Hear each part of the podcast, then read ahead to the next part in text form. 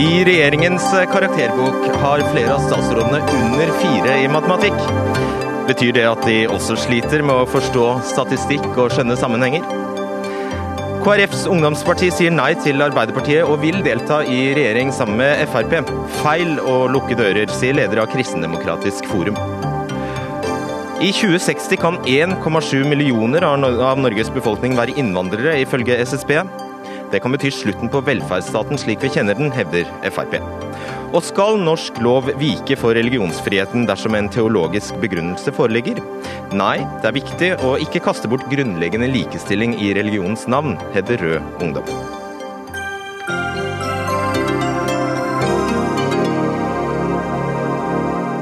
Da kan vi ønske velkommen til Dagsnytt 18 fra et solfylt eh, Arendal.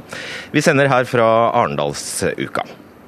Ja, Sju av regjeringens eh, statsråder nekter å oppgi til NRK hvilken karakter de har i matematikk.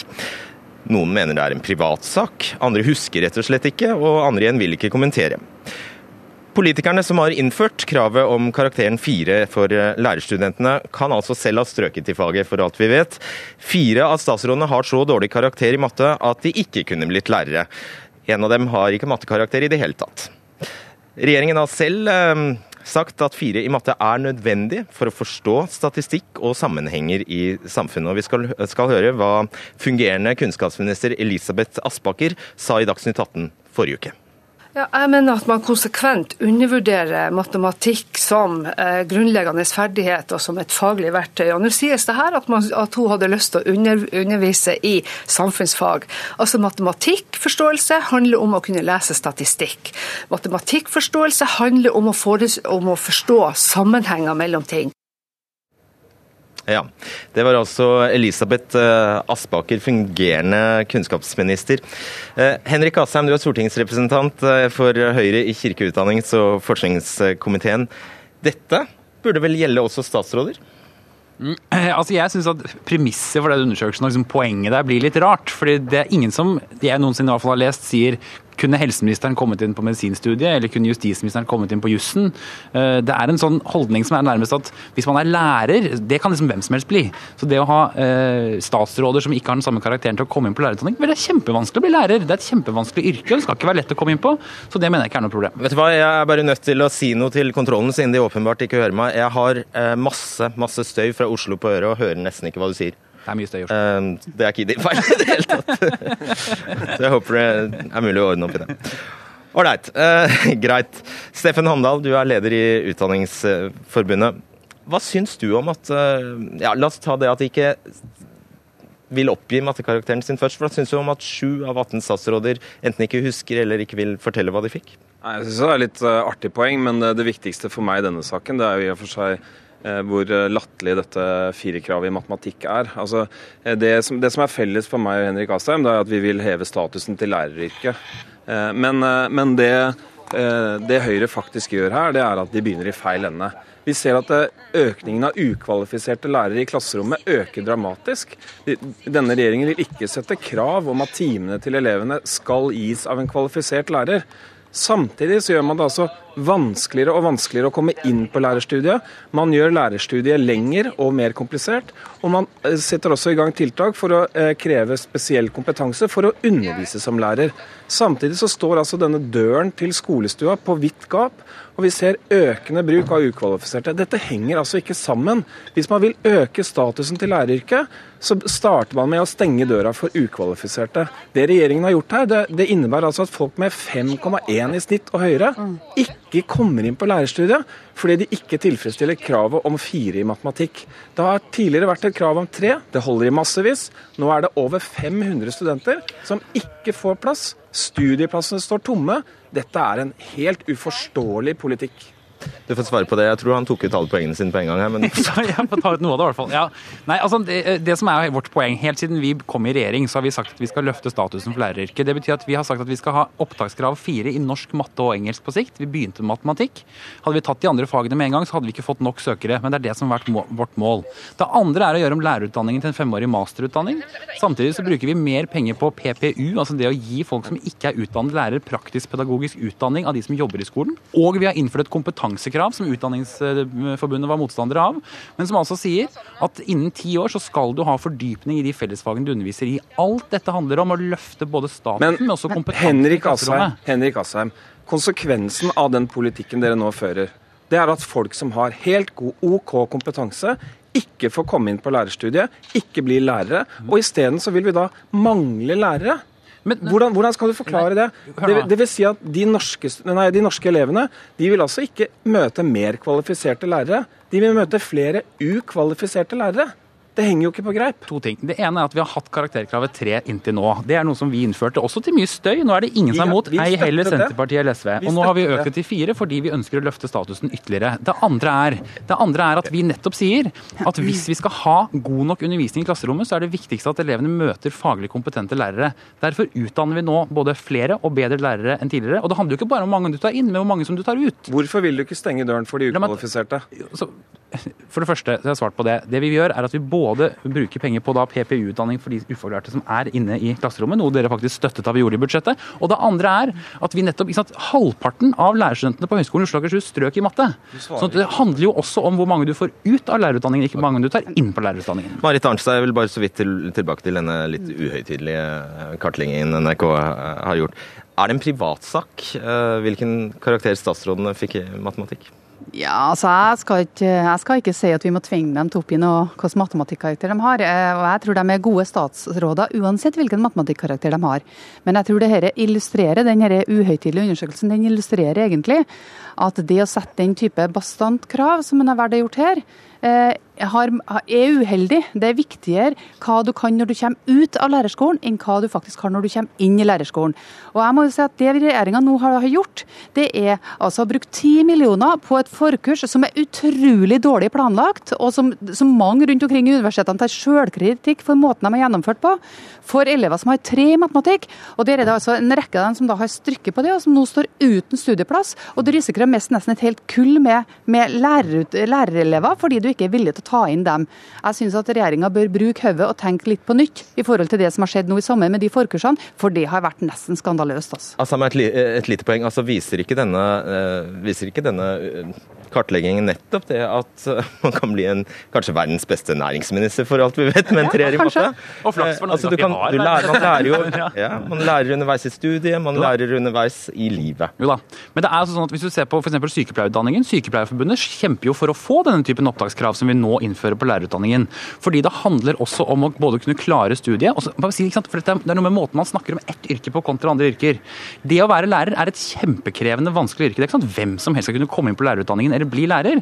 Og derfor så mener jeg at sant, Dette er den eneste studiet hvor jeg har hørt Senterpartiet snakke sånn. Det er ingen som snakker sånn om medisinstudie eller jusstudiet. Og derfor så blir det en veldig merkelig holdning som handler litt om ideen om at bare du kommer inn, alle kan komme inn, og så får vi se hva vi klarer å få til når du kommer ut igjen. Ok, Vent litt, Handel. Hold an litt, litt. Du snakket så lenge i sted. Vi skal ta inn Vibeke Bjarnø, studieleder ved grunnskole- og faglærerutdanningen ved Høgskolen i Oslo og Akershus. Og du har sett nærmere på denne forprøven som altså 75 strøk i. Hva mener du er hovedforklaringen på det? Ja, nå er det viktig å få fram at eh, stryk betyr vanligvis at man ikke klarte en toer. Her er altså snakk om antall som ikke fikk en firer, og det er en veldig stor forskjell. En viktig forskjell. Vi, det er en matematikklærer og en sensor i videregående, en lærerutdanner i matematikk og meg selv, vi har analysert oppgavesettet, som du sier. Og vi mener at det både er mer omfattende og på et høyere nivå enn det som vanligvis gir til eksamen i videregående. Vi mener at oppgavesettet det hadde få enkle oppgaver, og mange på et middels høyt nivå. Og Vanligvis så sanker de som får fire, fem eller seks, mange poeng på enkle oppgaver. Og Da får de mer tid til å tenke og gjøre regneoperasjoner på de mer kompliserte oppgavene. Ok, så la meg bare prøve. Altså, du sier at tiden var den samme som om det var en vanlig forprøve med lette og vanskelige oppgaver, men her fikk de bare vanskelige oppgaver. Ikke bare, men i hvert fall veldig mange flere, ja. mener vi. Og det hadde vært veldig interessant om flere hadde gått inn og analysert, og sett om de var enige med oss. For vi mener at det er veldig viktig at kandidatene behandles riktig, og at de har like muligheter for å oppnå firer som om de hadde gått opp til en ordinær eksamen. Det handler om den enkeltes rettssikkerhet.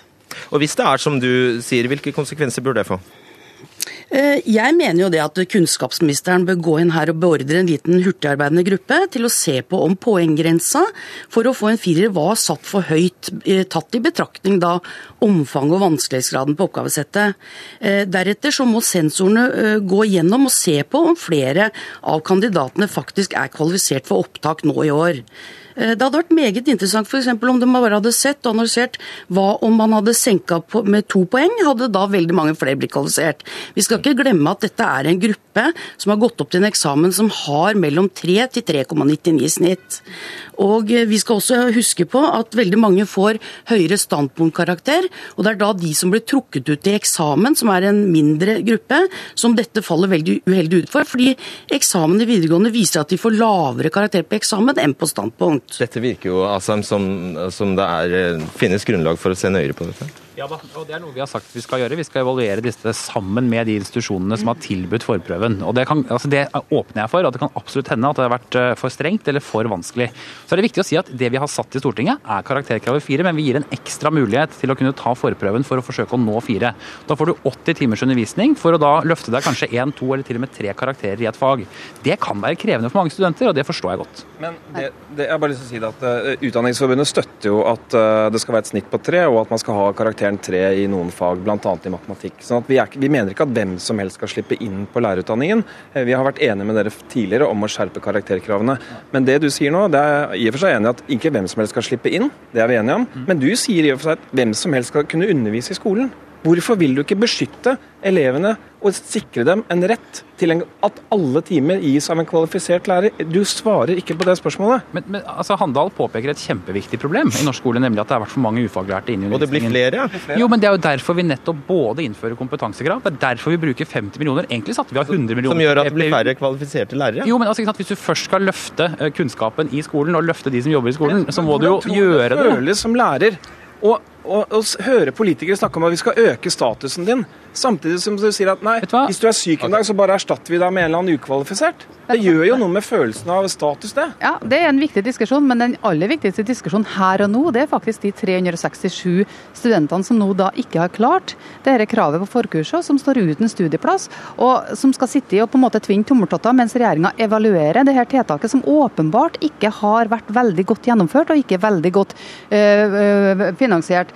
Så det må jeg bare spørre, hva, hva har de tenkt å gjøre i forhold til det? Hva skal skje med de 367 studentene? Skal de få en ny sjanse? Skal de bruke hodet i forhold til det?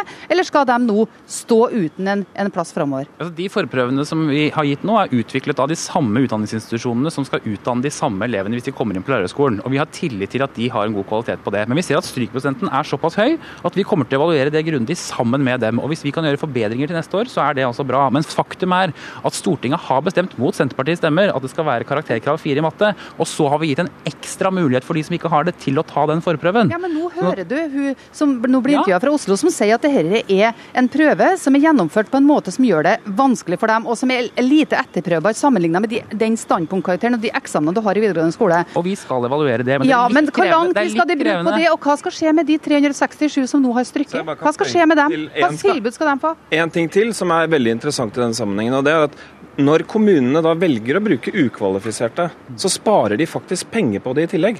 Dere bør i hvert fall sørge for at når kommunene bruker ukvalifiserte lærere, så skal det omtrent straffe seg, eller at kommunene i hvert fall må bruke de pengene på lærerfremmende aktiviteter.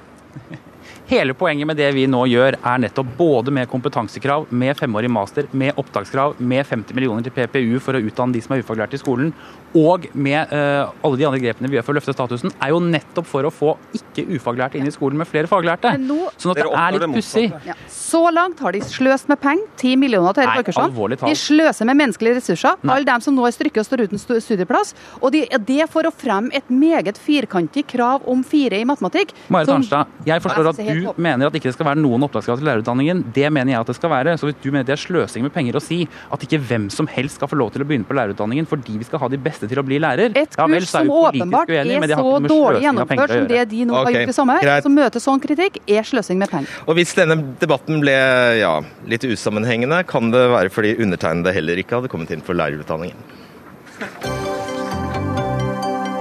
Dagsnytt 18 alle hverdager kl 18.00 på NRK P2 og NRK2.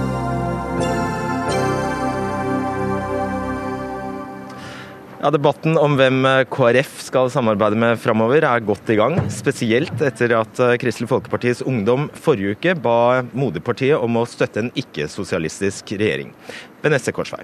Flere KrF-ere stusser over dette utspillet og mener det er for tidlig å konkludere eh, om partiet skal foretrekke en Arbeiderpartiregjering framfor et borgerlig samarbeid, inkludert da Frp.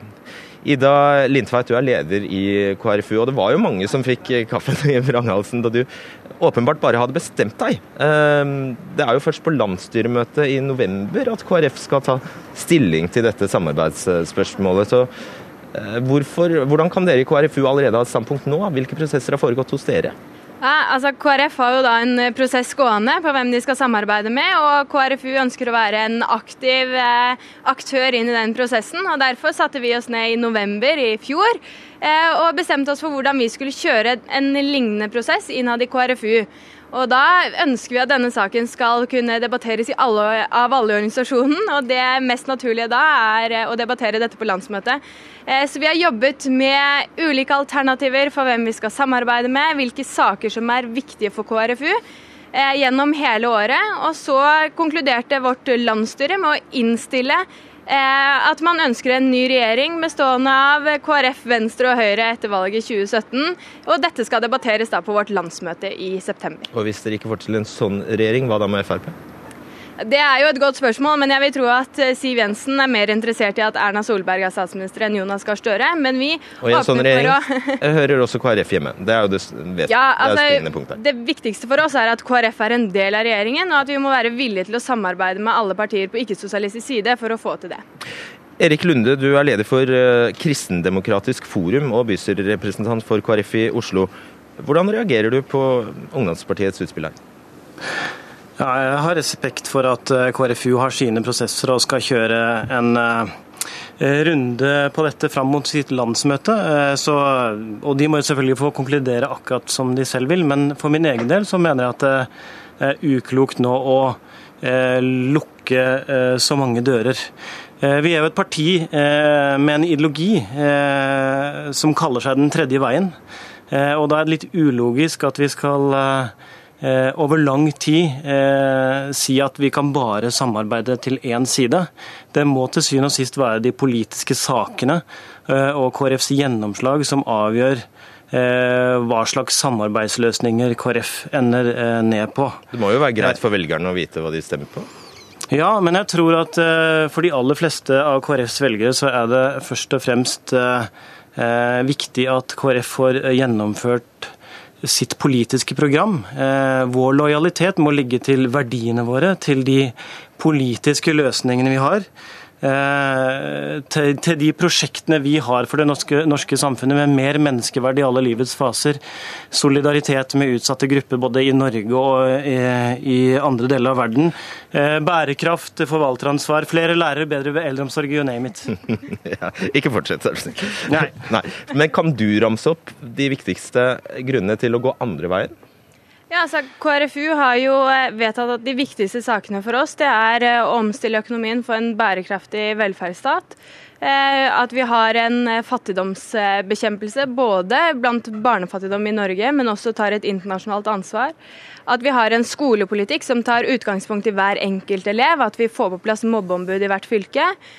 Og selvfølgelig at man har en human, rettferdig og internasjonalt ansvarlig asyl- og innvandringspolitikk. Og da er det naturlig å gå i regjering med Frp? Nei, ikke Frp, men vi har sett på det den rød-grønne regjeringen gjorde, og det dagens regjering eh, gjør. Og vi er ikke fornøyd med politikken til noen av disse regjeringene. og Derfor mener vi at KrF må inn i regjering og søke makt for å få gjennomslag for dette. Og gjennomslag tror vi at vi best får i et samarbeid med Venstre og Høyre, men at man på ikke-sosialistisk side må ha et flertall et sted. og Derfor eh, må jo Frp samarbeide med en sånn type regjering. Eh, Lunde, du mener bare at eh, KrF skal være taktiske inntil valget, vel? Eller altså fram til valget? Dere må bestemme dere på et tidspunkt? Selvfølgelig må vi bestemme oss, og jeg tror ikke jeg og Ida er så veldig uenig i at eh, KrF har et viktig idéfellesskap med Høyre og Venstre, som er en viktig grunn til at KrF har samarbeidet med de to partiene eh, i mange mange år. Eh, jeg har sjøl et veldig god erfaring med å samarbeide med Høyre og Venstre i Oslo. Men det er jo ikke de vi snakker om, strengt tatt. Nei, men Eh, mens i Bergen har man eh, andre erfaringer, ikke sant. Eh, og jeg mener at vi skal selvfølgelig ta et standpunkt, og vi skal være tydelige på hva som er våre prioriteringer. Og da vil det kanskje etter hvert også avtegne seg mer hva som er et naturlig samarbeid for KrF. Men jeg syns det er litt tidlig å avskrive og lukke dører, fordi KrF Eh, har ingen grunn til å være beskjedne på egne vegne. Vi er ikke bare et haleheng eh, til høyresida eller et haleheng til venstresida. Vi er et selvstendig sentrumsalternativ, og det syns jeg vi skal fastholde også eh, i tida framover. Mm. Altså, du Lindtveit, har sagt at du grøsser like mye av Trond Giske som av Sylvi Listhaug. Hva mener du med det? Nei, altså Listhaug sin retorikk er ekstremt langt fra KrFs politikk, og ikke noe jeg kan assosiere meg med i det hele tatt. Men jeg har også hørt Trond Giske sitte på Politisk kvarter og skryte av hvor få asylsøkere som den rød-grønne regjeringen eh, tok inn. At han sier at eh, det ikke er noe problem å støtte Listhaug sine forslag. Og in the end så handler det om politikk og politiske forslag. Og på asyl- og innvandringsfeltet så ser vi at det er ganske lik politikk mellom Arbeiderpartiet og den regjeringen vi hadde nå. Vi må huske at Arbeiderpartiet Arbeiderpartiet greide ikke engang å svare på om de støtta forskriften for lengeværende okay. asylbarn. Er du enig i det, Lunde? Er du enig i den analysen? Ja, så jeg, tar ikke bølgen for alt Arbeiderpartiet gjør, langt ifra. Jeg er ganske langt på vei enig i at Arbeiderpartiets asylpolitikk eh, er nesten like ille som Frp sin. Eh, men det er jo flere saker som vi skal ta stilling til, og det er flere eh, områder som er viktige for KrF. Det vil helt sikkert være sånn at det vil være områder hvor vi ligger nærmere Høyre og Frp, mens i andre saker så vil vi kanskje ligge nærmere Arbeiderpartiet. Og så blir det da summen av det som må avgjøre. Bare svar på en, ja, sorry. Eh, Lunde, altså I oktober eh, har du som leder av Kristendemokratisk forum invitert eh, Jonas Gahr Støre, Knut Arild Hareide og Senterpartileder Trygve Slagsvold Vedum til et møte. Er det en invitasjon til et samarbeid ja, en måned før partiledelsen skal ta stilling?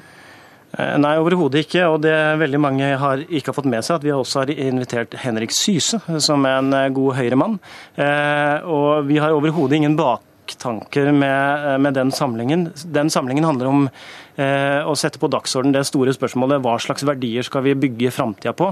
Når alle snakker om at vi, at vi, eh, vi må finne et, eh, et, felles verdigrunnlag i en tid med stort mangfold, med stor innvandring, så må vi også stille spørsmålet hva slags verdier skal vi bygge samfunnet på. Da ønsker vi å høre både konservative fra Høyre, sosialdemokrater og sentrumspolitikere svare på det spørsmålet. Så det er overhodet ingen baktanke, samarbeidsbaktanke bak, bak den samlinga i det hele tatt. Det er greit. Lindtveit, eh, jeg har bare lyst til å gi noen eksempler fra FrPs program, så kan jo du selv ta stilling til eh, hvor eh, hvor interessant det er for KrF å gå i regjering med Frp. Altså dette, Frp vil eh, arbeide for at mottak av mennesker fra land utenfor den vestlige kulturkrets begrenses kraftig. De vil at eh, asylstatus kun skal innvilges etter strenge fortolkninger av internasjonale avtaler. De vil at jordbruksavtalen skal avvikles, og de mener at det bør gjennomføres konsekvensutredning for oljeboring, uh, unnskyld, oljeleting av områdene utenfor Lofoten, Vesterålen og Senja. Ja, og Dette er eh, klare eksempler på hvor eh, lite sannsynlig det er at eh, man finner KrF i en regjering med Frp. Men jeg tror at vi kan få til en regjering med Høyre, Venstre og KrF. Og så tror jeg at Siv Jensen heller vil ha en sånn type regjering enn en regjering med Jonas Gahr Støre. Hva tror du, Lunde? Ja, det, det, tror vel kanskje jeg også. Og jeg tror at en regjering av Høyre, og Venstre og KrF kunne blitt en veldig god regjering for landet. Eh, men eh, spørsmålet er hva gjør vi hvis ikke det er mulig? Eh, og da mener jeg at vi kan ikke binde oss ensidig til én side i politikken hvis en sånn regjering ikke lar seg gjøre. Fordi skal vi ha troverdighet som et kristendemokratisk sentrumsparti som plasserer seg i midten av høyresidas liberalisme og venstresidas sosialisme, så kan vi ikke si at vi alltid skal finne et samarbeid med Frp, eh, da må vi også noen ganger være villige til å diskutere med andre partier. Og, og KrFU er veldig klare på at eh, hvis det ikke blir en regjering med KrF i, så ønsker vi heller ikke en samarbeidsavtale sånn som vi har i dag, og dermed så får vi en større avstand til en sånn type regjering. All right. vi får... Jeg er veldig enig. Vi får se. Takk skal dere ha, Ida Lindtveit og Erik eh, Lunde. Hør Dagsnytt 18 når du vil. Radio NRK Radio.nrk.no.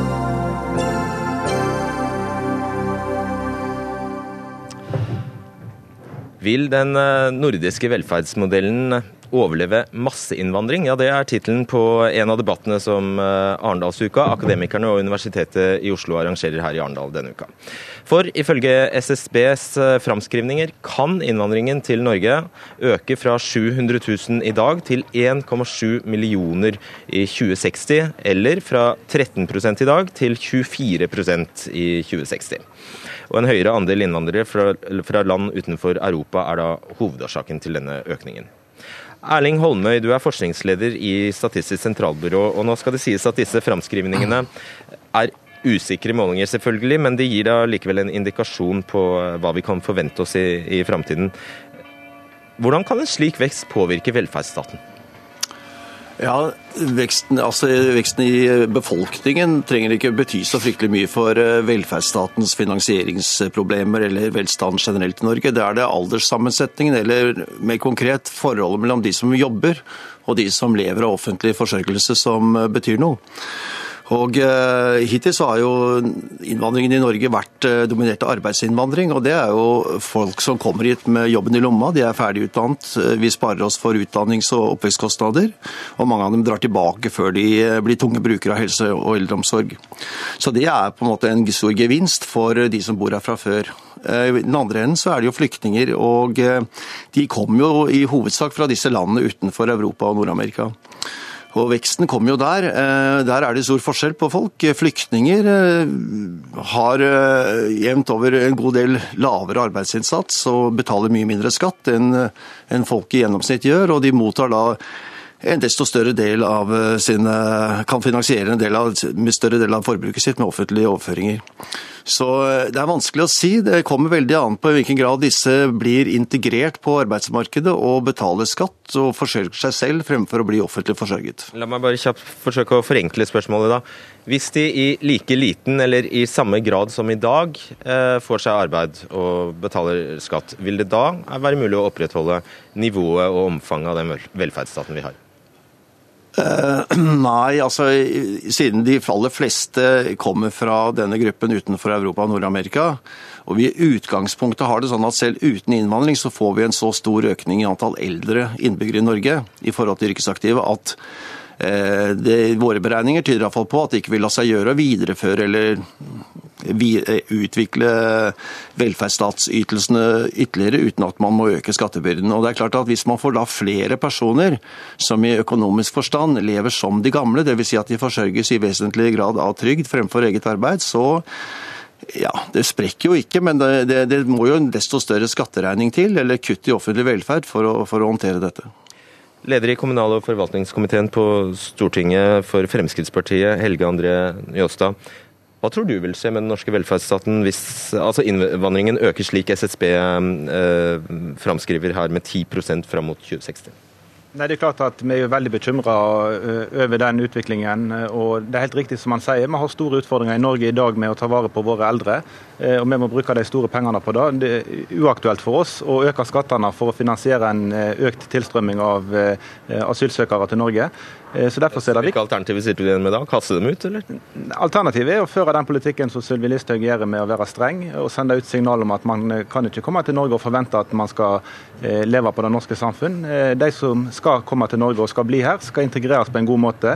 Og vi vet at norske kommuner har utfordringer nok i dag med å integrere de som, som kommer i dag. Så vi kan ikke ha en økt tilstrømming og samtidig ta vare på velferdssamfunnet sånn som vi kjenner det i dag. Ok, Det, det, det er jeg nysgjerrig på, Holmøy. I hvilken grad Dere lager jo prognoser som selvfølgelig altså nå, Av og til kan man jo få inntrykk av at norsk eh, innvandringspolitikk skifter annenhver dag. Så hva, er bakgrunn, altså, hva har dere lagt til grunn når dere lager sånne prognoser som dette? er? Sylvi Listhaugs politikk eller SVs politikk? Eh, vi har vel ikke tatt så veldig eksplisitt stilling til politikken. Det vi har sett på er eh, altså, nå, nå, må jeg si at vi har laget disse beregningene i 2011. Eh, men vi driver og oppdaterer de nå. Jeg kan ikke røpe tall derfra ennå. Men det vi gjør nå som sist, det er å se på hvor mye skatt betales av ulike typer skatter for, i, i, befolkningsgrupper, hvor vi har delt det på kjønn, alder, innvandrergrupper og botid i Norge. Og vi gjør tilsvarende for hvor mye de mottar av forskjellige trygdeytelser og andre offentlige pengeoverføringer, og hvor mye de bruker av offentlige tjenester som i høy grad er skattefinansiert.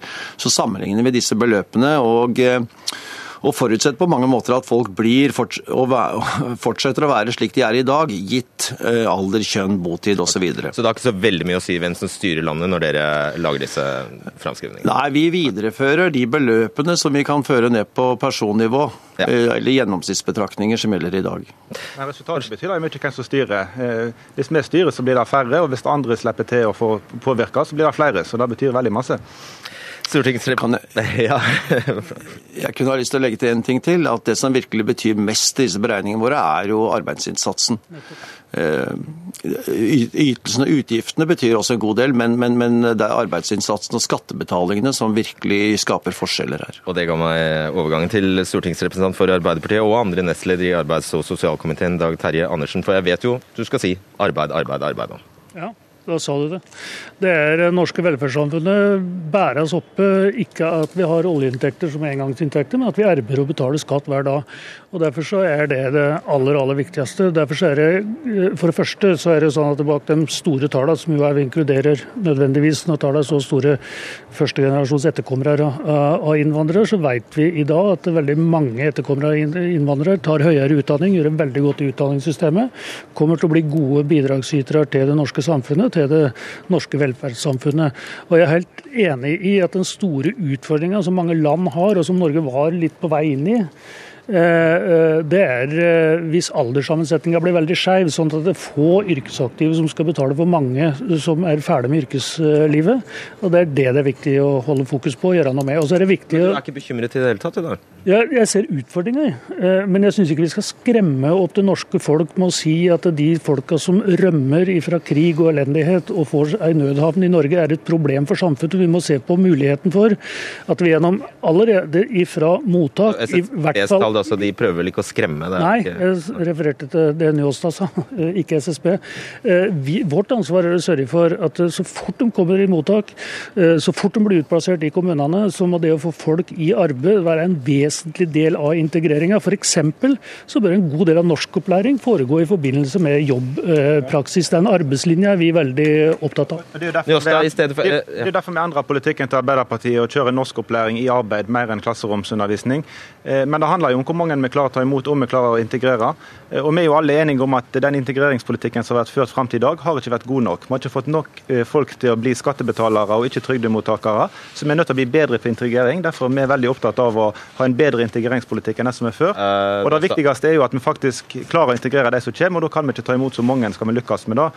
Har sysselsettingen blant innvandrere i Norge skutt i taket etter at Frp kom i regjering for tre år siden? Nei, men det er jo først nå vi har lagt fram vår integreringsmelding og vår politikk. Ja, men Dere har vel forhåpentligvis gjort noe? Jo, vi har gjort mye. Og Vi har lagt frem en integreringsmelding på tre år. Den forrige regjering satt åtte år og leverte ingen integreringsmelding. Så vi er opptatt av integrering. Eh, men det er klart at det tar tid å endre system. Eh, og vi har arva en innvandringspolitikk som ikke er bærekraftig og ikke er god nok. Og vi har tenkt å gjøre det bedre, og vi har tenkt å sitte lenge. Eh, og da skal vi stille krav til innvandrerne til at de skal bli skattebetalere og ikke trygdemottakere.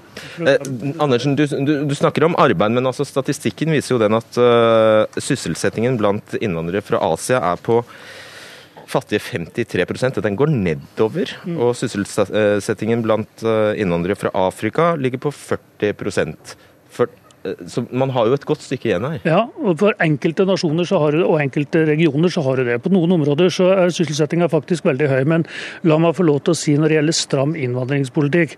Eh, jeg var innvandringsminister i regjeringa til Stoltenberg og la fram to innstrammingspakker i forhold til det at vi skal ta vare på Flyktninginstituttet, Genévekonvensjonen, med å sørge for at det er de som faktisk er på flukt, som kommer inn i landet. Og når Njåstad nå sier at uh, Sylvi Listhaugs politikk virker i forhold til innstramming, nei, altså Det er faktisk sånn at det er et stortingsflertall som har tatt ansvar for situasjonen fordi at eh, regjeringa ikke greide å håndtere situasjonen f.eks. på Storskog. Det er et brei enighet på Stortinget eh, om innstrammingstiltakene som faktisk skal gjennomføres. og Det er ikke fullt ut det Nåstad og Listhaug sa, men det er det det er brei enighet om. og derfor så, Selv om tallene var fra 2011, så er det sånn at eh, et regjeringsskifte kommer ikke til å føre til noe vesentlig forandring på det. For det er et breit stortingsflertall som står bak. Arbeiderpartiet, Høyre, mellompartiene er med på det. Så det, det er å skremme med innvandring som Fremskrittspartiet holder på med, det syns jeg er utidig. Det som er utfordringen vår, er å sørge for at òg folk fra de landene som du sier, så fort som mulig kan komme seg i produktivt arbeid. Og så er det kanskje aller viktigste, det aller viktigste er å sørge for at dems etterkommere faktisk kommer inn i utdanningssystemet, at vi tar bort kontantstøtte, at vi satser på den ungdommen, at de blir en god del av Norge. Jeg har lyst til å sjekke med Holmøy om det stemmer det du sier, eh, Njåstad, at hvis det bare kommer litt eh, færre, la oss si at Sylvi Listhaugs politikk får eh, virke, og at man hadde sett en nedgang i ankomster, ville det ha løst oss fra denne, dette dilemmaet med økte skatter, eller er det ikke sånn? Nei, jeg, jeg, er, eh, jeg er helt sikker på at den aldringseffekten vi har, altså det at vi får såpass mange eldre enn norskfødte, det er, det, store, det er den store faktoren her så når det gjelder forholdet mellom offentlige utgifter og eh, hva slags skatter vi må ha fremover for å dekke det. Foreløpig har innvandringen hatt lite å si for de tingene der, og som sagt kan det slå begge veier, avhengig av om de kommer i jobb eller blir eh, forsørget av det offentlige. Men jeg er enig altså den, det som det ligger an til, hvis man bare viderefører dagens mønstre, og det er eh, innvandring fra fattige land som kommer til å dominere fremtiden, så så følger det på en måte at det vil forsterke i noen grad de problemene som vi allerede vil få med knyttet til eldrebølgen. Det er ikke tvil om at innvandringen har en kostnad. og Vi så jo bare i fjor høst når eh, statsbudsjettet ble lagt fram, så fikk vi en større tilstrømming enn det som var planlagt. og Eh, eller det som var anslått, og så måtte man bevilge 10 milliarder ekstra. og 10 milliarder er masse i Norge som man kunne brukt på andre ting, så det er bare tull at ikke innvandring har noe å si. Ja, men, men det, og det skjedde jo, unnskyld, uh, unnskyld at jeg avbryter, men det skjedde jo med dere i regjering, så du, du, jo, greier jo ikke å forhindre det. Du, du bare viser jo nei, at dette er det, det, det viser jo at når det største, største partiet i Norge inviterer 10 000 til å komme, så har det en effekt ute i verden. Eh, nå har det heldigvis en effekt at vi har fått gjennomført de fleste innstramminger, så vi fikk nye tall som viser at det er ti ganger så mye flere eh, asylsøkere til Sverige forrige måned eh, enn det det er til Norge. Og vi har dobbelt så mye i Danmark som i Norge, så det viser jo at eh, signaleffekt betyr masse. Vi hadde en stor tilstrømming når Arbeiderpartiet hadde landsmøte og inviterte. Nå har vi eh, lite tilstrømming, og det er viktig. Ja, la, oss, la oss ha en kjapp runde på det, på det eh, Andersen. Altså, det stemmer det at det kom nye tall nå. Fra januar til mai så var altså 1442 ankomster til Norge. 13.346 til Sverige og 3805 til eh, Danmark. Det, det kan jo ikke være helt tilfeldig? Nei, og det har jo med ting som har skjedd ute i hele Europa. Eh, og, og, og blant annet blant, hvis, jeg, hvis jeg kan få lov til å, å snakke ferdig. Eh, blant annet så har Europa inngått en avtale med Tyrkia osv. Det er mye som har skjedd rundt omkring i Europa. Men jeg må, jeg må få lov til å kommentere Njåstads særdeles useriøse påstand om at eh, Jonas Gahr Støre har invitert 10 000 til å komme til Norge på vårt landsmøte. Det er trist at seriøs debatt skal føres på den den måten. Eh, det som skjedde på vårt landsmøte, var at vi vedtok at vi ville gå inn for å ta noen som er kvoteflyktninger. Nåstad, som er kvoteflyktninger. Og det ble vedtatt okay, på Stortinget at vi skulle ta inn 8000. Det var, altså, det var enighet om på Stortinget. Fremskrittspartiet gikk med på det, men det var flertall for det. Men hvis alle land hadde sørget for å avlaste eh, høykommissjonærens problemer i flyktningleirene, så ville det vært færre flyktninger i Europa. La oss ta det her seriøst. Det er folk som trenger hjelp. Og ikke holde på med sånn tullprat om at Jonas har hvem, invitert hvem som helst i verden til å komme til, til Norge. Det er useriøst. Det er ikke useriøst, og det er fakta og det hadde en enorm effekt utad. Ja, det, var snakk, det var snakk om kvoteflyktninger. og Hvis du jobber med flyktningpolitikk til daglig, som jeg tror du gjør nå, så bør du vette forskjellen på kvoteflyktninger og de som kommer på flukt på den måten som vi opplever ja, jeg, jeg i, i, vinter. Effekten utad er at man opplever at Norge kan man komme til, og da så vi økte tilstrømminger. Så dere må ta ansvaret når dere er det største partiet og sende ut sånne signal. Okay. Eh, jeg føler vi har hatt den diskusjonen tidligere også. Takk skal dere ha, Erling Holmøy, Helge André Njåstad og Dag eh, Terje Andersen.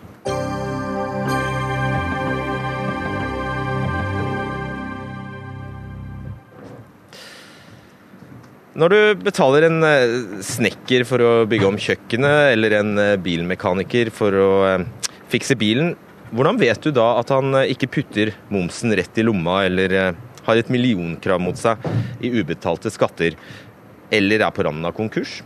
Nei, du kan ikke vite det, fordi skatteetaten ikke har lov til å gi ut slik informasjon, selv om de sitter på den. Hans Christian Holte, du er eh, skattedirektør, og ifølge eh, vi snakker om to lover her, ligningsloven og eh, merverdiavgiftsloven, kan altså ikke opplysninger om skatt gis til uvedkommende. Og faktisk i noen tilfeller så er dere selv, skatteetaten, uvedkommende. Det er helt riktig, og det viser jo hvor streng personvernlovgivning vi har i dag. Altså hvor sterkt taushetsplikten er manifestert. Jeg mener jo at den er viktig, bare for å si det med en gang. Samtidig så ser jeg at det begrenser våre muligheter til f.eks. effektivt å bekjempe svart økonomi. Gi et eksempel. Helt konkret eksempel. Nå snakker Forbrukerrådet om at de skal opprette en portal for å legge ut informasjon til forbrukere om håndverkertjenester. Vi har interessant informasjon til den portalen. Vi har informasjon om f.eks. hvilke selskaper som kan ha hatt store problemer med å betale sin skatt, eller ikke har ønsket å gjøre det. Altså F.eks. selskaper som vi har hatt eh, det vi kan kalle straffereaksjoner mot, gitt eh, høy tilleggsskatt. Den type informasjon tror jeg mange forbrukere ville kunne synes var nyttig når de skal gjøre et valg. Jeg tror også forbrukerne da kunne bidratt til eh, å lage næringslivet i Norge mer seriøst. Men det får du altså ikke lov til? Nei. Nei. Det er eh, vanskelig med dagens lovgivning. Ja, og En av dem som mener det bør forbli sånn, er deg, Bjørn Erik Thon, direktør i Datatilsynet. Hva er logikken i det? Altså, det er jo utvilsomt et godt forbehold vi har med å gjøre her. Eh, for det å bekjempe svart arbeid og la folk få lov til å velge en håndverker som eh, både er en flink håndverker, men også har det økonomiske i orden, det er, det er viktig. Eh, men samtidig så er jo det å ikke betale skatt og ikke betale moms, det er en straffbar handling. Eh, og straffbare handlinger det er definert i norsk lovgivning, og jeg tror i alle moderne personlover i eh, verden, eh, som en såkalt sensitiv personopplysning. Og i mange tilfeller så vil også denne opplysningen kunne hefte ved en enkeltperson. Det gjør kanskje ikke det hvis det er snakk om et firma, men hvis firmaet heter Bjørn Erik Thon AS, så er det jo helt klart det er meg det er snakk om. Eh, og i Norge så... det før du, uh, før du unndro mot. Jo, men, men, du må huske på at i Norge så har vi veldig mange strafferegistre. Altså, vi har mange uh, altså, hvor, hvor, folk som har begått straffbare handlinger, registreres.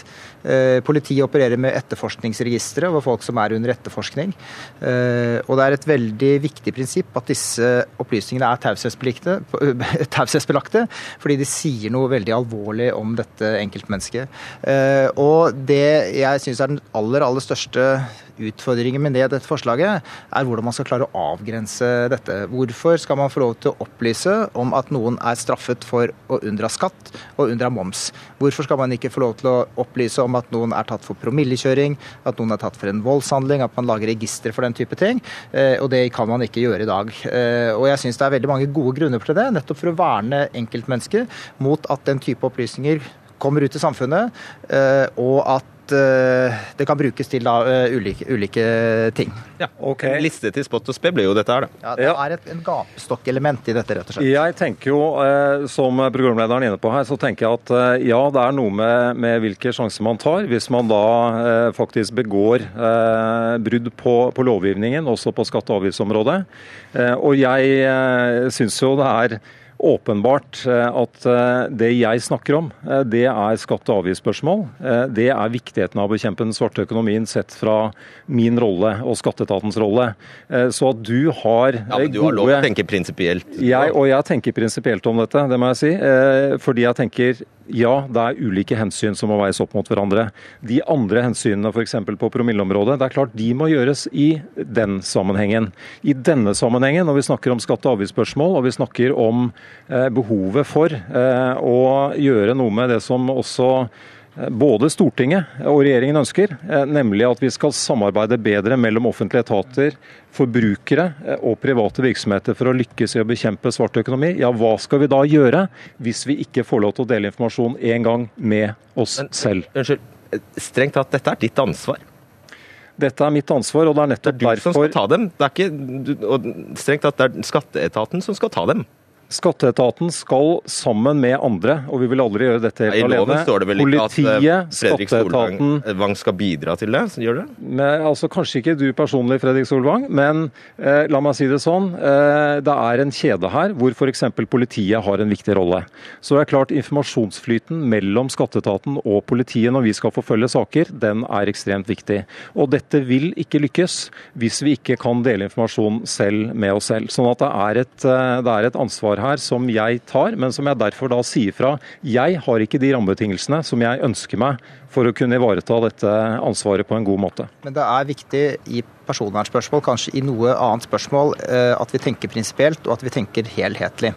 Eh, fordi det er helt umulig å holde en linje i dette hvis vi sier at én type straffbare handlinger det skal man få lov til å lage et register over. Man skal kunne gå inn på et portal og se om et enkeltmenneske har blitt straffet for en handling. Og Det er ikke mulig å holde den linjen hvis vi ikke har et prinsipielt syn på hvordan vi skal gjøre dette. Eh, og jeg synes at straffbare handlinger ikke skal ut i det offentlige rom. Folk skal ikke henges ut offentlig og settes i gapestokk fordi de har begått en eller annen form Selv for ikke hvis vi blir kvitt et så altomfattende og ødeleggende fenomen som svart økonomi? Jo, men det vil vi jo ikke gjøre. Altså, det er helt overraskende hvor, hvor, hvor mange som har tro på at bare det å lage et register Lager man et register, da har man løst problemet. Mange mennesker i Norge, tilsynelatende i og med at det er et så stort problem med svart arbeid, ønsker å kjøpe svarte tjenester de vil jo ikke sjekke et sånt register som dette. er sånn. De har overhodet ingen interesse av å gjøre det. Det er et godt poeng. Eh, Så, så, så det, jo, men, Hans Christian, la meg fullføre. Så, så det er altså den, den, den troen på at man skal opprette et register og løse problemene, den, den overrasker meg veldig noen ganger. Og jeg er overrasket nå også. Jeg skjønner, og, og, og du er jo god retoriker, eh, men jeg, jeg tenker jo at eh, jeg har aldri ment eh, at det kun er et register som skal til for å løse dette problemet. Men det å dele informasjon på bedre måter, det er helt nødvendig. Og du snakker om det prinsipielle. Jeg vil jo si at hvis vi ser på hva vi i dag kan vite og ikke vite, som skal gi oss grunnlag for å velge de seriøse fremfor de useriøse, ja, da har vi rettssystemet med dommer som kanskje vil være kjent, og som folk kan gå inn i og lese osv. Men så har vi også administrative beslutninger. altså Det er også straffereaksjoner når jeg gir tilleggsskatt, eller skatteetaten gir tilleggsskatt på 60% Det skal være hemmeligholdt. Hvor er det prinsipielle i det? At man da på den ene siden kan gjennom, eh, gjennom rettssystemet kjenne til en del av straffereaksjonene, men ikke når det gjelder faktisk de administrative straffereaksjonene. Ja, altså Straffedommer er jo taushetsbelagte. Man kan ikke gå inn på lovtiden eller rettstiden og se hvem som er straffet i en, en straffesak. Det er rett og slett feil, det kan man ikke gjøre. Det er taushetsbelagte opplysninger. Eh, Så kan man selvfølgelig ha noen som forteller det, og det kan komme på avveier, men det er jo opplysninger som man ikke skal ha ut i, eh, ikke skal ha ut i, i samfunnet. Hvis du, Eh, og ser, hvis du ser på hva et, et regjeringsnedsatt utvalg nettopp har ment om den saken, nemlig det som har sett på informasjonsdeling mellom offentlige virksomheter, så har de faktisk sagt det er en utfordring at vi flytter straffene i økende grad fra det, det legale, det som er i rettssystemet, til det administrative. Det i seg selv er bra, men det som ikke er bra, er at det blir økt hemmelighold fordi vi ikke har lov til å gå ut med de administrative sanksjonene. Altså Jeg fastholder det at eh, straffbare opplysninger det skal ikke komme på avveie. Det er viktig at man holder fast på det. Eh, og så kan Selv man om du er en notorisk bedrift og ikke privatperson som bare skattesnusker og skattesnusker og skattesnusker. Eh, ja, prinsipielt så mener jeg det.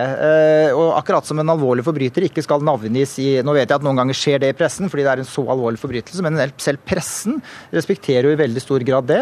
At navnet på straffedømte, alminnelige forbrytere, som nok mange av de som vi snakker om her, noen som ut, unndrar 10 000, 20 000 kroner i moms, det tar ikke pressen eh, og skriver navnet på. Så, eh, så som et prinsipielt standpunkt så holder jeg fast på det, ja. Jeg Fort er bare, til, ja, bare si hvor stort det- hva, hva snakker vi om? Hva, hva er det anslåtte omfanget? Det omfanget er eh, titalls eh, milliarder kroner eh, når det gjelder den svarte økonomien, eh, og det kan være kanskje opp i hundretalls milliarder kroner. Vi snakker om svært store unndratte summer.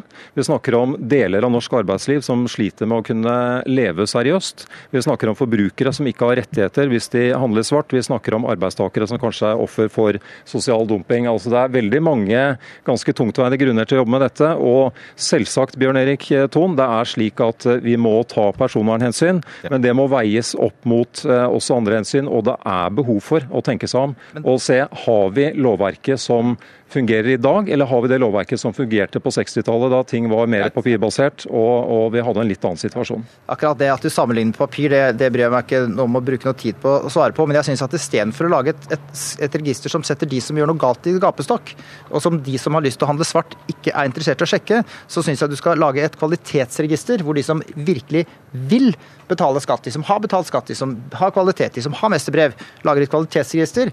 Og det, det kommer jeg til å stille meg positiv til. Ok, det får vi diskutere en annen gang. Det er greit. Takk. Bjørn Erik Thon, Hans Christian Holte.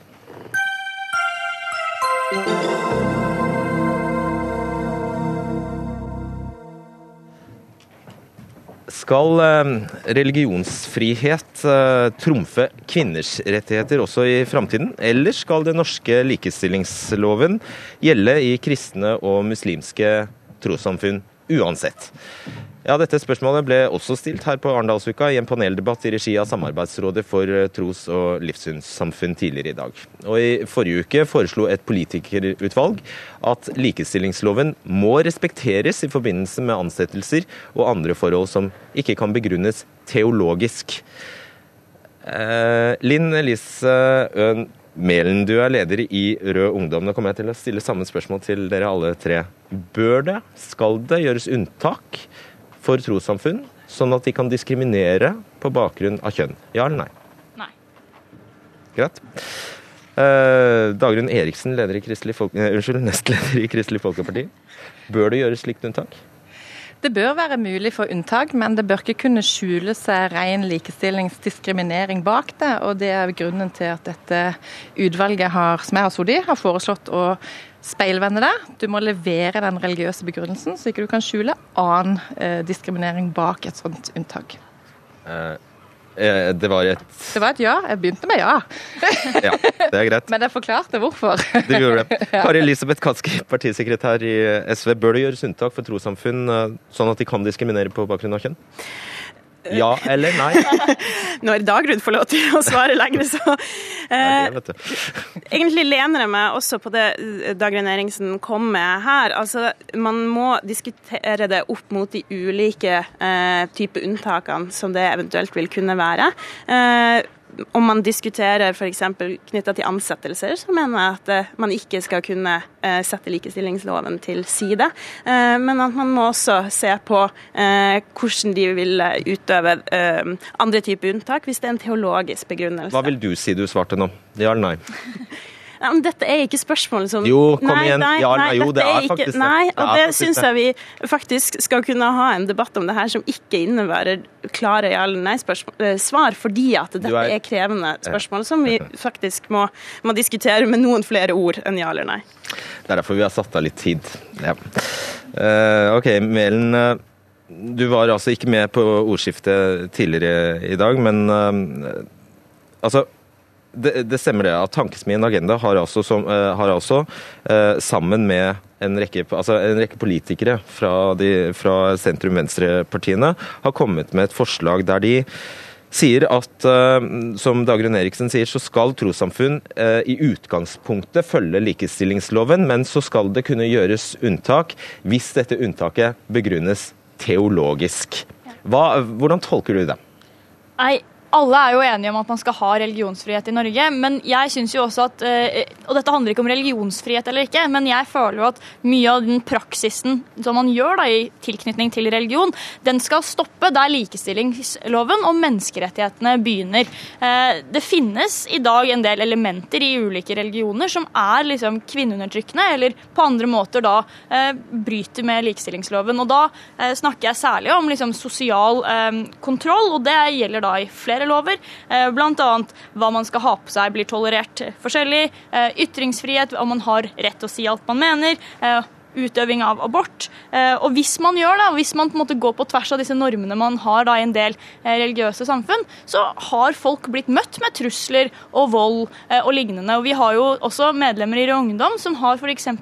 muslimsk bakgrunn, som har tatt et oppgjør med f.eks. homofili i islam. Og det måten man har blitt møtt på, da, det har ikke vært en god nok måte. Eh, Og når man tør da å først utfordre disse eh, satte tankene, eh, så, så er det utrolig viktig. Og det er jo nettopp det som er problemet. da, at Jeg tror man kan finne en teologisk begrunnelse for, for stort sett alt da, man, man utøver av praksis. Og det er jo det som er det skumle her. Og da, ja, for det, det er det jeg er veldig nysgjerrig Hva betyr det? Hva betyr det at andre forhold som ikke kan begrunnes eh, teologisk, hva betyr det? Jo, det er jo det. Altså, for det første må jeg si at religionsfriheten hører også til under menneskerettighetene. så det var nok en, eh, Og det er jo det vi må balansere som politikere. Hvordan skal vi ivareta dette? Samtidig springer jo selvfølgelig likestillingsloven ut av menneskerettighetene. Og menneskerettighetene. ikke sant? Så du har to menneskerettigheter som her på et vis vi må klare å balansere, og det er jo det vanskelige som politikerne må gjøre. Men det som, grunnen til at vi har gjort dette her, er Gi et konkret eksempel, sånn at vi bare skjønner det. På Sørlandet så hadde vi eh, i gamle dager en biskop, eh, som ikke lever lenger nå, som var veldig imot kvinnelige prester. Vi fikk ingen kvinnelige prester her, ingen kvinnelige proster. Så fikk vi en ny biskop, og istedenfor at han sa nå skal vi ha 50% kvinnelige prester, og sånn, så sa han jeg respekterer at det er uenighet og teologiske begrunnelser, men jeg vil ha den begrunnelsen. Du må sjøl levere den begrunnelsen på hvorfor det står det. Det som skjer da, er at du må gå i deg sjøl, finne ut, ikke bare sånn ja, nei, jeg er for eller imot. Du må finne ut hvor, hvilke skrifter er det som begrunner det ene og det andre. Det som skjer da, at i løpet av den biskopen sin periode, gjør at når neste biskop kommer, så er det plutselig flertall av kvinnelige proster. Fordi man måtte levere den religiøse begrunnelsen. Man måtte gjøre en diskusjon. Trossamfunnet sjøl måtte ha en kritisk er, debatt om ja, det. Men da er det jo som Mælen sier, at du kan alltid komme, finne en eller annen teologisk begrunnelse du vil alltid kunne sikkert finne det, men det man ser er jo at det vil jo ikke være at det er en enkeltperson som skal si det og si 'jeg har funnet det', men kirkesamfunnet og trossamfunnet må jo sjøl finne litt. ut Ja, de må jobbe ja. litt. Og de må finne ut, og den skal leveres med. Sånn at du kan ikke bare automatisk si 'jo, vi tror at dette her er'. For det, det jeg har vært provosert av, at man har kunnet skjule likestillings og diskriminering bak et teologisk eller religiøst kort. Nå må de levere den begrunnelsen, og jeg tror den debatten blir spennende. I Danmark har vi fått en kvinnelig imam. Eh, sånn at det, er, det, har vært utviklinger her som jeg tror vi trenger mer dialog enn å bare si at det er ikke et kort som gjelder. Kaski, til en viss grad er jo dette et ja- eller nei-spørsmål. For til syvende og sist må du ta altså stilling til altså, eh, eh fordi det dette utvalget foreslår, er jo å ta, frata statsstøtte. Det er et ja- eller nei-spørsmål ta fra eller ikke ta fra statsstøtte til eh, trossamfunn som da altså bryter likestillingsloven. Og så er spørsmålet hvor stort du skal gjøre dette hullet som du kaller teologi. Ja, men, men utvalget eh, kom med det forslaget ut ifra at du har snudd bevisbyrden, om man kan kalle det det. Men, men la meg rydde litt i debatten likevel. fordi jeg syns at litt av grunnen til at dette er et forslag som vi bør diskutere, det som har kommet fra Agenda. Og, fordi, og grunnen til at jeg syns det, det, kan være et godt forslag, er nettopp fordi du får en diskusjon om hva som er teologi, og hva som er kultur og tradisjoner. Og det er faktisk ganske viktig, fordi selv om nok mye kan begrunnes ut ifra eh, teologi, så ser vi at mye av den praksisen som er i religiøse trossamfunn i dag, skyldes i større grad kultur, holdninger som vi ikke uh, ønsker at skal være gjeldende i Norge, eller tradisjoner som og hvem bør skal til syvende og sist Nei, men det er den type diskusjoner som jeg tenker at vi trenger, trenger akkurat nå. Så vil jeg også si, altså SV fremma jo et forslag som vi også fikk flertall for i Stortinget i vår, rundt det som går på statsstøtte. Det er et forslag om å utrede og trekke tilbake statsstøtte til uh, trossamfunn som f.eks. bryter grunnleggende menneskerettigheter eller oppfordrer til vold, som bidrar til, uh, til, til sosial sosial kontroll, skam og æreskultur. Der er jeg helt enig om at vi må være helt klar på at det ikke er akseptabelt. Vi må ikke være med å finansiere, og det handler om å støtte opp under de som gjør det opprøret som det blir snakka om. Men i ytterste konsekvens, hvis du mener at likestillingsloven den gjelder, og du, får, du skal ikke ha slike teologiske hull, så harver du opp hele hierarkiet til den katolske kirke. Da, da, tvinger du den katolske kirke til å begynne å ansette kvinnelige prester. Du skjønner, Hvordan skal det la seg gjøre? Ja, det er jo Først da for å gå tilbake til debatten om det, som Dagrun Eriksen også var inne på. Eh, fordi Jeg syns det er veldig bra at man får denne debatten. fordi jeg er helt enig i at mye av dette handler jo om eh, tradisjoner eh, osv. Og, og eh, det er jo ingen som har sagt at debatten eh, er dårlig rundt det. Tvert imot. Men eh, jeg, jeg syns også det er viktig da, at man tør å se på eh, at likestillingsloven i Norge faktisk gjelder. Og der har man i altfor stor grad vært, altså, gått rundt grøten da, når det kommer til eh, til trossamfunn. Eh, og Det mener jeg at det er ganske viktig at man nå tar liksom okay. et oppgjør med. da. Så jeg syns det er veldig bra med en debatt, men jeg syns ikke man går langt nok. da.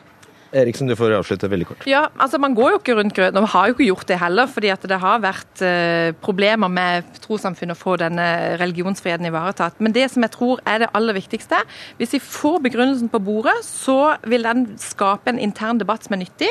Faren er hvis staten plutselig begynner som et moralpoliti og sier det syns vi var en god begrunnelse, det var en dårlig begrunnelse. Da kommer vi nok til å møtes i Dagsnytt 18 og diskutere dette igjen. Det blir spennende å se hvem den staten også er, da. Ja. ja. Tusen takk skal dere ha.